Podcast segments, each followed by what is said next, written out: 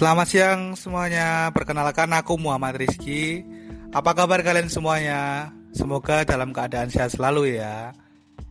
Oke, pada konten podcast episode pertama di program aku yang bernama Ngobam atau Ngobrol Bareng Mahasiswa kali ini, aku udah kedatangan salah satu bintang tamu hebat nan cantik nih. Di samping aku sudah ada sosok cewek cantik yang juga menjabat sebagai Ketua Himpunan Mahasiswa di salah satu kampus swasta di kota Yogyakarta. Langsung saja aku kenalkan ini dia Mbak Nadia Anissa. Halo, selamat siang semua. Semoga sehat selalu ya. Tuh, udah pada disapa kan sama Mbak Nadia. Oke, di episode kali ini aku sama Mbak Nadia pengen ngomongin topik yang tentu saja menjadi keresahan bagi kebanyakan mahasiswa saat ini, yaitu suka duka kuliah online di mana dari sebagian besar mahasiswa merasa dengan sistem pembelajaran melalui kuliah online dirasa kurang efektif dalam segi penerimaan materi. Tentu saja di masa saat ini seluruh dunia tak terkecuali Indonesia terdampak karena virus COVID-19 di mana semuanya mengalami kesulitan baik dari segi ekonomi, kesehatan, pendidikan dan juga lain-lain semuanya terdampak oleh virus yang cukup menyebalkan dan cukup mengganggu kehidupan sehari-hari. Tapi pada topik kali ini, aku sama Mbak Nadia pengen lebih fokus ngobrolin di bidang pendidikan, di mana beberapa tempat fasilitas belajar mengajar kita ketahui selama satu tahun belakang hingga saat ini itu masih ditutup karena arahan dari pemerintah untuk meminimalisir dan memutus mata rantai penyebaran virus corona. Dan saat ini kita bisa dibilang sudah anniversary lah ya. Dari bulan Maret tahun lalu kita sudah harus bekerja dari rumah, belajar dari rumah dan juga daring secara online. Nah, kali ini aku akan bertanya kepada Mbak Nadia nih, bagaimana perasaannya setelah satu tahun menjalani kuliah secara online alias tidak tatap muka dengan dosen maupun teman-teman Mbak Nadia? Uh, kalau untuk perasaan saya sendiri ya Mas, uh, kuliah online yang kita lakukan selama ini bahkan sudah satu tahun ini uh, bisa dibilang sangat amat membosankan. Di mana kita setiap hari cuma melakukan kegiatan seperti itu aja diulang-ulang uh, setiap harinya. Jadi setiap pagi kita buka laptop, buka Google Meet atau Zoom untuk absen, untuk mendengarkan dosen. Uh, habis itu sudah terus ganti mata kuliah yang lain seperti itu lagi.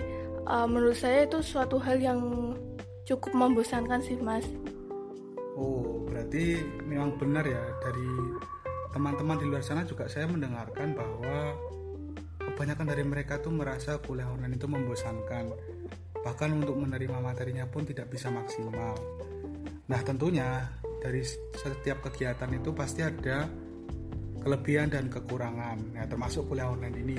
Nah, kalau menurut Mbak Nadia nih, setelah menjalani kuliah online selama setahun ini, apa sih kekurangan dan kelebihan yang Mbak Nadia rasakan?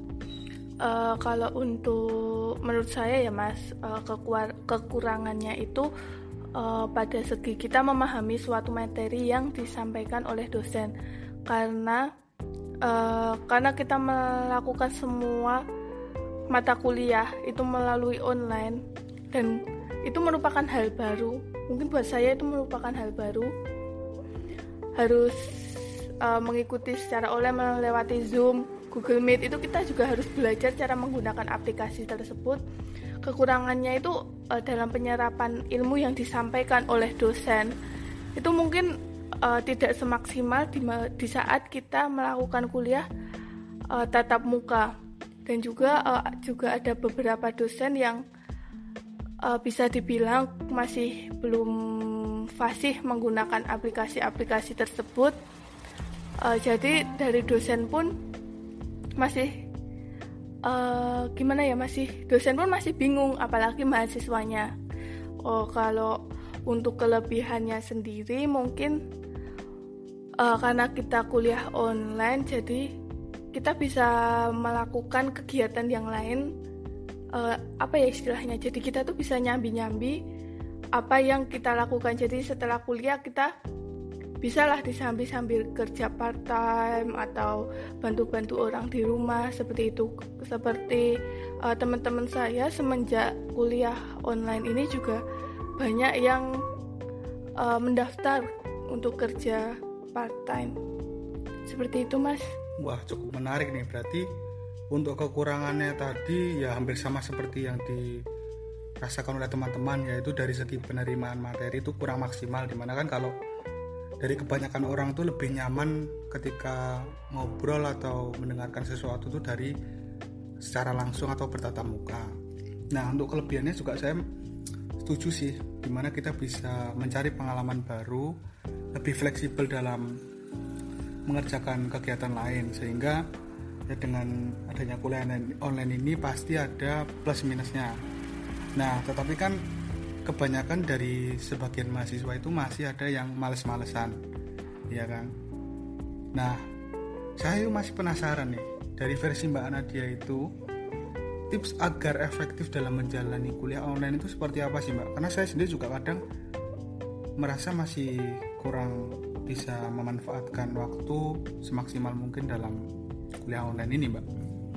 Menurut menurut saya ya Mas. Jadi untuk uh, tiap orang kan berbeda-beda ya untuk gimana dia menyesuaikan diri biar kuliah onlinenya itu efektif.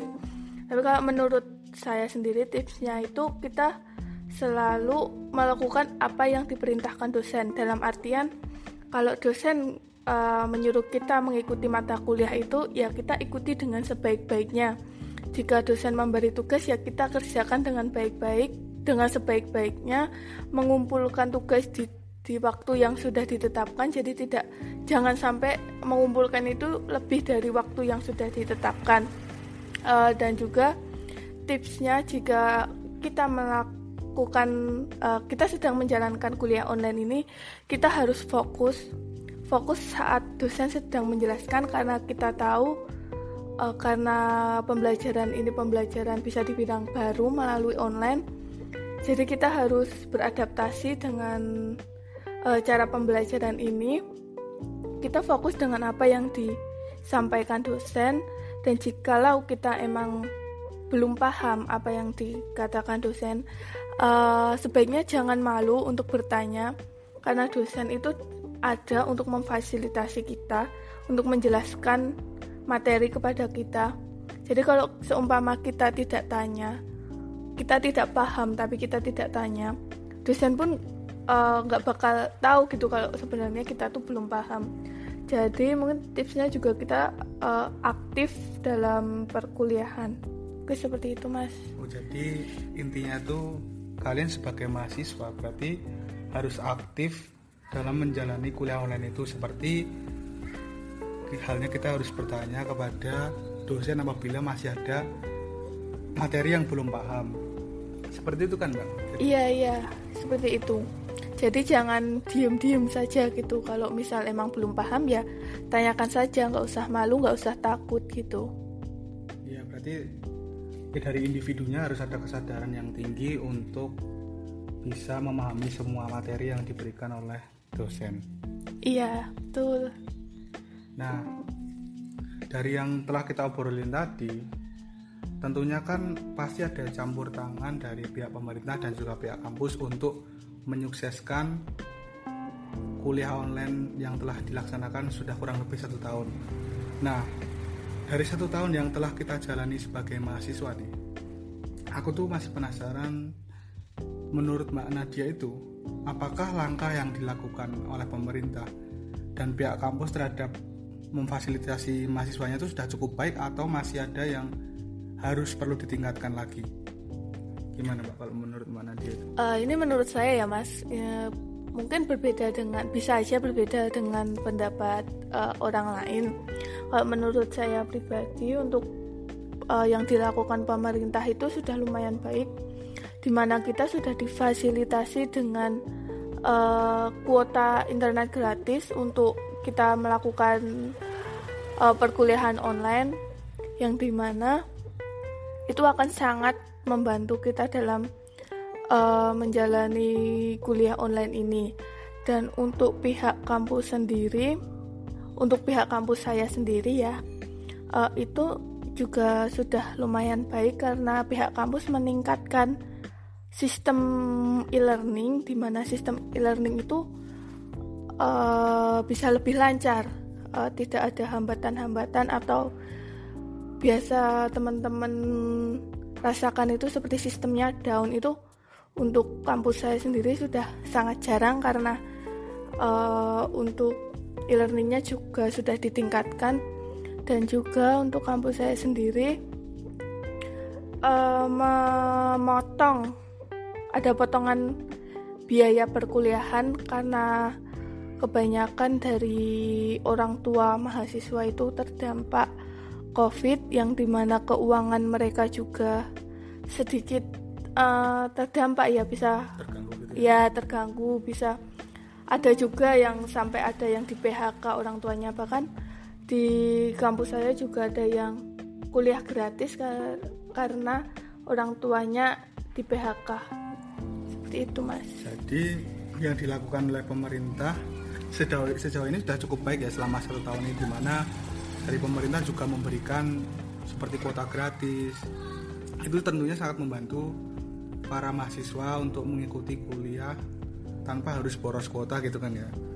Iya. Nah, untuk yang tadi Mbak, Mbak Nadia sampaikan itu tentang pihak kampusnya juga sudah cukup baik dalam meningkatkan fasilitas dan juga kinerja dari website terutama e-learning yang, yang biasanya digunakan ya kan? Iya.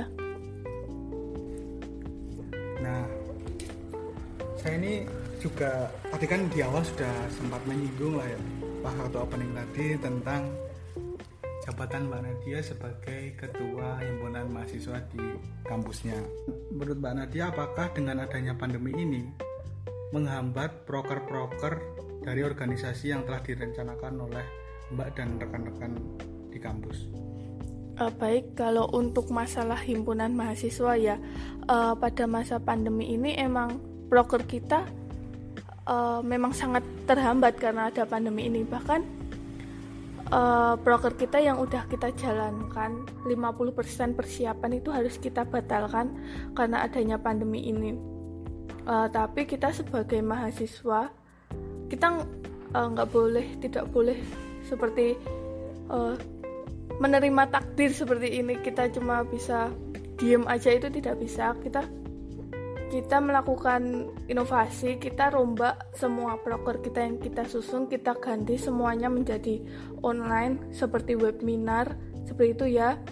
Uh, terus juga uh, di pas di masa pandemi ini karena banyak orang-orang yang uh, membutuhkan gitu, kita jadi menambahkan broker seperti broker uh, bakti sosial pada saat pandemi ini kami sudah melakukan bakti sosial itu dua kali. Jadi walaupun kita se semua acara kita ada online gitu kan kita iya. harus memutar otak lah ya. Iya seperti itu. Jadi kita nggak boleh diem aja gitu loh.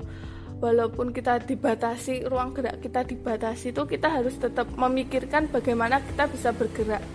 Seperti itu mas Oh jadi uh, yang saya tangkap itu adalah uh, dengan adanya pandemi ini tentu pasti menghambat banget lah ya dari broker-brokernya itu di mana tadi saya mendengarkan ada yang udah berjalan 50% harus dirombak lagi dikarenakan yang harusnya offline menjadi online. Dan saya juga cukup kagum sih dengan apa yang dilakukan oleh Mbak Mbak Nadia, Mbak Nadia dengan teman-temannya yaitu membantu orang-orang yang membutuhkan di luar sana karena efek dari pandemi ini yang cukup bisa dibilang sangat mengganggu lah untuk para UMKM dan juga sebagainya begitu kan mbak? Iya mas mungkin seperti itu.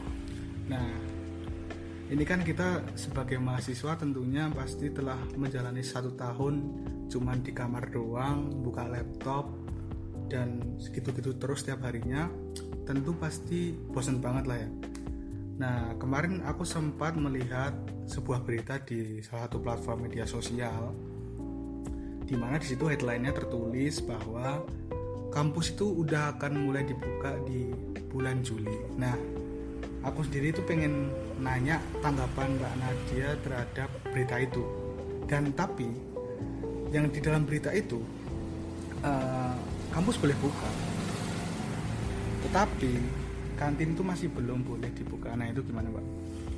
Uh, menurut saya kalau memang kita bulan Juli itu uh, lingkungan di Indonesia ini sudah kondusif, maksudnya uh, pandemi ini sudah bisa ditangani dengan baik. Kalau memang Juli kita bisa kuliah tatap muka, ya syukur alhamdulillah gitu loh. Kita bakal uh, senang banget gitu. Tapi jika lo emang lingkungan masih kurang kondusif, ya mending jangan dipaksakan seperti itu. Kalau masalah kampus sudah buka, terus kantin masih tutup, ya nggak apa-apa gitu kita kita bawa bekal sendiri dari rumah karena uh, pada masa pandemi ini kan kita juga tidak tahu ada berapa orang yang terinfeksi yang sudah uh, datang misal ke ke kantin itu ya ada orang yang ternyata dia covid. Kita kan juga nggak tahu. Jadi walaupun kantin buka walaupun kantin itu dibuka tapi kita lebih baik uh, membawa bekal dari rumah sendiri sih mas. Oh jadi dari tanggap, tanggapan Mbak Nadia dengan berita itu senang lah ya, tetapi balik lagi jangan dipaksakan. Apabila masih belum siap atau masih belum kondusif jangan dipaksakan untuk dibuka seperti itu ya Mbak ya. Iya. Dan untuk masalah kantin dibuka atau ditutup itu masalah belakangan karena di masa pandemi kayak gini kan juga masih kita nggak bisa tahu lah ya mana yang higienis mana yang enggak terus mana yang terjangkit mana yang enggak orangnya. Jadi ya langkah baiknya kita bawa bekal dari rumah. Selain itu kita bisa menghemat uang. Seperti itu kan mbak? Ya jangan lupa juga uh, buat taat protokol kesehatan ya di mana pun dan kapan pun. Nah kalau misal beneran jadi dibuka di bulan Juli nih apakah pemberlakuan shift kepada para mahasiswa yang masuk ke kuliah itu efektif mbak atau nggak usah pakai shift menurut Mbak Nadia gimana? Uh, mungkin bisa tergantung dari jumlah mahasiswanya ya mas kalau seumpama jumlah mahasiswa itu uh, banyak lebih dari 30 orang atau 50 orang itu mending ya benar kata mas Rizky tadi lebih baik di shift biar uh, interaksi satu orang dengan orang lainnya itu tidak terlalu banyak interaksi. Seperti oh, itu. ya keren sekali sih. Nah karena ini kita udah ngobrol berapa menit nih? Kita udah ngobrol sekitar 19 menit ya. Nah kita sudah nggak kerasa banget lah ngobrolin tentang suka duka kuliah online dan juga tadi sempat nyinggung tentang uh, organisasi yang dijalani oleh Mbak Nadia. Nah aku pengen nanya nih dan juga pengen Mbak Nadia untuk mengungkapkan pesan dan motivasi untuk para mahasiswa baik itu mahasiswa yang baru atau mahasiswa yang lama agar nggak males-malesan atau cuma kuliah tidur kuliah tidur doang. Itu gimana mbak? Uh, untuk mahasiswa baru itu mungkin uh, gimana ya kalian juga belum pernah masuk ke kampus belum pernah berinteraksi dengan teman-teman yang baru jadi baru. Mungkin interaksi juga cuma lewat zoom lewat google meet. Uh, saya tahu emang itu rasanya kayak berat banget kayak yang lainnya kalau maba itu seru-seruan di kampus kenalan dengan teman-teman kenalan dengan kakak tingkat kakak tingkat. Itu kan emang itu berat tapi uh, jangan membuat itu sebagai alasan untuk males kuliah gitu jadi kalian harus tetap semangat, uh, taat protokol kesehatan, juga jangan lupa berdoa biar uh, pandemi ini bisa cepat selesai, biar kita bisa tatap muka dan bisa bertemu seperti itu. Untuk kalau untuk mahasiswa akhir sih, uh, bisa dibilang kalian sudah merasakan asam garamnya uh, perkuliahan gitu loh. Uh, tetap semangat walaupun kalian mahasiswa akhir kan saya tahu itu sangat berat karena saya juga mahasiswa akhir sudah mikir judul sudah mikir ini itu tetap semangat jangan bosan uh, jangan jadikan pandemi ini sebagai alasan untuk menunda kelulusan mungkin seperti itu mas. Wah terima kasih banget mbak. Cukup menarik sekali obrolan dan juga pesan serta motivasi yang disampaikan kepada saya dan juga rekan-rekan semua yang mendengarkan podcast ini. Nah nggak kerasa banget nih kita udah ngobrol hampir setengah jam dengan salah satu cewek cantik ketua himpunan mahasiswa di kampus Yogyakarta di mana apa yang dirasakan oleh Mbak Nadia itu cukup sama dengan banyak orang mahasiswa katakan yaitu bahwa kuliah online itu kurang efektif jika dilaksanakan secara online. Tetapi sebagai mahasiswa kita harus beradaptasi dan tidak boleh melupakan tanggung jawab sebagai mahasiswa. Maka dari itu kita harus bersungguh-sungguh mengikuti perkuliahan dan menaati arahan dari pihak pemerintah dan juga kampus dan juga bagi kalian semua di luar harus tetap jaga protokol kesehatan, jaga kesehatan, minum air putih yang cukup, makan sayur, dan olahraga yang cukup. Sekian podcast dari saya. Sampai jumpa di konten episode kedua di minggu depan. I'll see you again. Thank you. Selamat siang. Selamat siang.